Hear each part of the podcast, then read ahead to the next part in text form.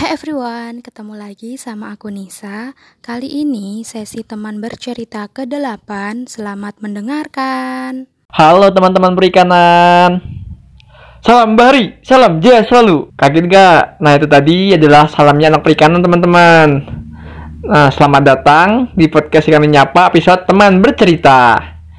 Ya, kenalin nama aku Yofi. Aku mahasiswa teknologi perikanan atau yang dikenal dengan THP angkatan 2017. Kali ini aku akan menemani teman-teman dalam bercerita tentang perikanan. Oh iya teman-teman, apa sih yang teman-teman pikirkan pertama kali kalau dengar kata perikanan? Pasti identik dengan ikan, nelayan, ternak lele, atau memancing bukan? Teman-teman nggak salah kok, aku dulu juga gitu mikirnya. Tapi setelah aku kuliah, aku baru tahu kalau perikanan itu luas loh. Perikanan terdiri dari kata per ditambah ikan ditambah an. Udah pasti berhubungan dengan ikan ya. Tapi teman-teman perlu tahu definisi ikan menurut undang-undang itu sangat luas loh.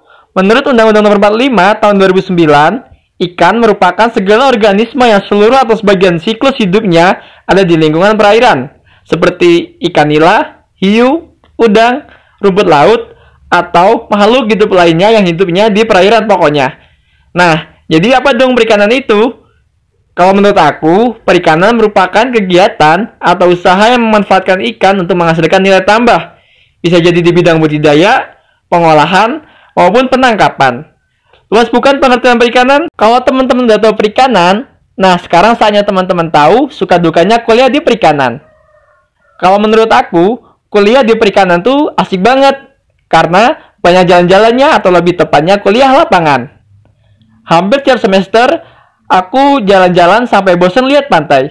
Gak cuma ke pantai loh, teman-teman juga bakal diajak jalan-jalan ke perusahaan pengolahan, bahkan diajak ke tengah laut untuk mencari ikan bersama nelayan. Tapi aku paling suka di prodiku sih di THP karena aku diajarin mengolah berbagai bahan dari ikan menjadi produk-produk seperti nugget, bakso, abon, kerupuk, dan masih banyak lainnya. Selain itu, produk perikanan juga nggak melulu tentang makanan kok. Bisa jadi obat penyakit, dompet, ataupun perhiasan lainnya. Asik bukan? Nah, kalau dukanya itu banyak laporannya. Karena sering praktikum jadinya ya resiko, yaitu nulis laporan. Udah sih itu aja dukanya kalau lainnya enjoy banget. Nah, proses menyusun laporan itu emang paling berat selain skripsi menurut aku. Karena harus banyak mikir, cari jurnal, tulis tangan berlembar-lembar gitu. Eh, tapi aku baru inget nih, ada tugas paling mengeluarkan pikiran, tenaga, dan uang. Tugas kelompok sih, tapi ini perjuangan banget. Jadi, semester 5 kemarin, aku dapat mata kuliah, tata letak, dan penanganan bahan. Nah, aku dapat tugas suruh bikin market pabrik beserta prosesnya. Nah, di situ harus pinter-pinter bikin desain pabriknya, sama ngatur pola aliran bahannya. Udah macam kayak anak arsitek bukan? Walau berat, menurutku itu seru juga.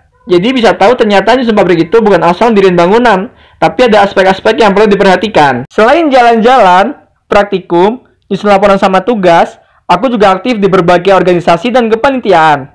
Organisasi paling populer di perikanan yaitu Keluarga Mahasiswa Ilmu Perikanan atau yang dikenal dengan KMIP. KMIP merupakan himpunan mahasiswa perikanan. Kalau di SMA, kayak osisnya gitu loh. KMIP ini juga sering mengadakan event-event atau kegiatan yang menarik loh KMP ini juga memadai mahasiswanya sesuai dengan minat bakat. Ada futsal, basket, aquascape atau seni menghias akuarium, kelompok studi pesisir dan masih banyak lagi. Event-eventnya juga banyak yang berhubungan dengan masyarakat ataupun dengan kegiatan perikanan. Aku juga aktif di berbagai kepanitiaan yang diselenggarakan oleh KMIP seperti Fish League, yaitu Liga Futsal. Kemudian ada BIRS atau pengabdian di desa-desa. Kemudian ada Fish Week atau perlombaan nasional itu isinya lomba-lomba uh, mengenai beta kontes atau kontes cupang, kontes kecantikan cupang. Kemudian ada juga lomba aquascape seperti tadi, seni menghias akuarium. Ngomong-ngomong soal KMIP, waktu masih maba, aku waktu menjadi staf jaringan eksternal di KMIP. Tugasku ke Indonesia berkunjung ke universitas-universitas yang memiliki jurusan perikanan juga. Kemudian, di tahun 2019, aku juga menjadi kepala departemen jaringan eksternal di KMIP. Banyak ilmu dan pengalaman yang aku peroleh dari situ. Terus di tahun dari 2020 atau sekarang, alhamdulillah aku diberi amanah menjadi ketua KMIP sendiri. Ngomong-ngomong soal ketua KMIP, ada proses ada proses menuju ke sananya loh. yaitu melalui pemilihan atau pemilihan raya seperti pemilu presiden gitu, tapi ini tingkat universitas. Nah, di situ juga ada sesi debat antar calon ketua. Tapi karena di tahun pemira kemarin aku calon tunggal, jadi aku debat sama kota kosong deh. Alhamdulillah di pemira kemarin aku mendapatkan suara yang lebih tinggi dari kota kosong.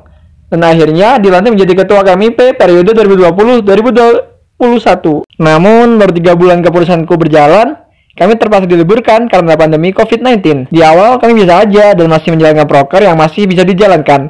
Tapi karena pandemi yang tidak selesai-selesai, kami jadi harus menyusun ulang proker yang bisa dikerjakan secara online. Walaupun sedih nggak bisa berproses secara offline, tapi kami tetap semangat untuk menjalankan satu periode kepengurusan ini untuk mewujudkan KMIP yang lebih baik dari tahun-tahun sebelumnya. Selain organisasi yang berjalan secara daring atau online, perkuliahan juga berjalan secara online. Kuliah semester genap ini berlangsung sangat cepat, hanya sampai bulan April, dan dilanjut UAS pada bulan Mei. Perkuliahan seluruhnya dilakukan secara online baik praktikum ataupun kuliah di kelas. Selama perkuliahan online, aku sering kali malas karena nggak seasik perkuliahan offline. Hanya duduk atau rebahan di kamar sambil dengerin dosen memberi materi kuliah. Rasanya ingin segera kembali normal, dapat bersendagura dengan teman-teman dan tentunya dapat jalan-jalan lagi. Karena kuliah di perikanan emang banyak jalan-jalannya. Harapannya, pandemi COVID ini dapat segera selesai biar semua kegiatan dapat kembali dengan normal. Wah, ternyata udah cukup banyak ya aku bercerita. Mungkin cukup itu saja teman-teman. Harapannya setelah teman-teman mendengarkan podcast ini, teman-teman jadi lebih tahu tentang perikanan dan tertarik untuk masuk ke perikanan. Terima kasih sudah mendengarkan aku bercerita dan tidak lupa aku sangat terima kasih kepada ikan menyapa yang sudah mengajak aku untuk bercerita di sini. Sukses selalu ya. Salam Bahari. Sekian, semoga bermanfaat. See you.